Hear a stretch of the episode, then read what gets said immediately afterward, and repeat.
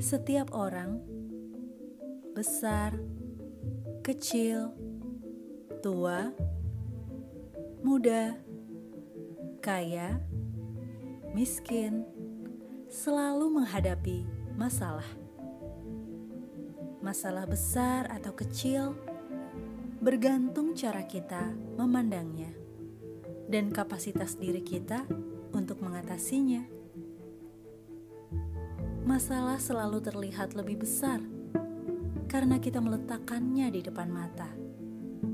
Selama kita terus menatapnya, semakin besarlah itu perkara.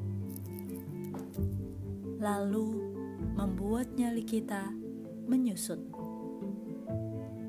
Bagaimana jika dibalik?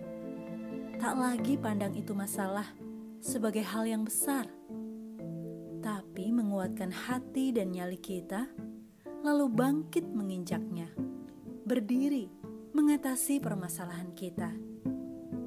What? Mengatasi? Artinya kita di atas masalah kita, bukan dibalik. Kita tertekan atas masalah kita. Tuhan itu setia tak akan mengizinkan segala sesuatu terjadi melampaui kekuatan kita.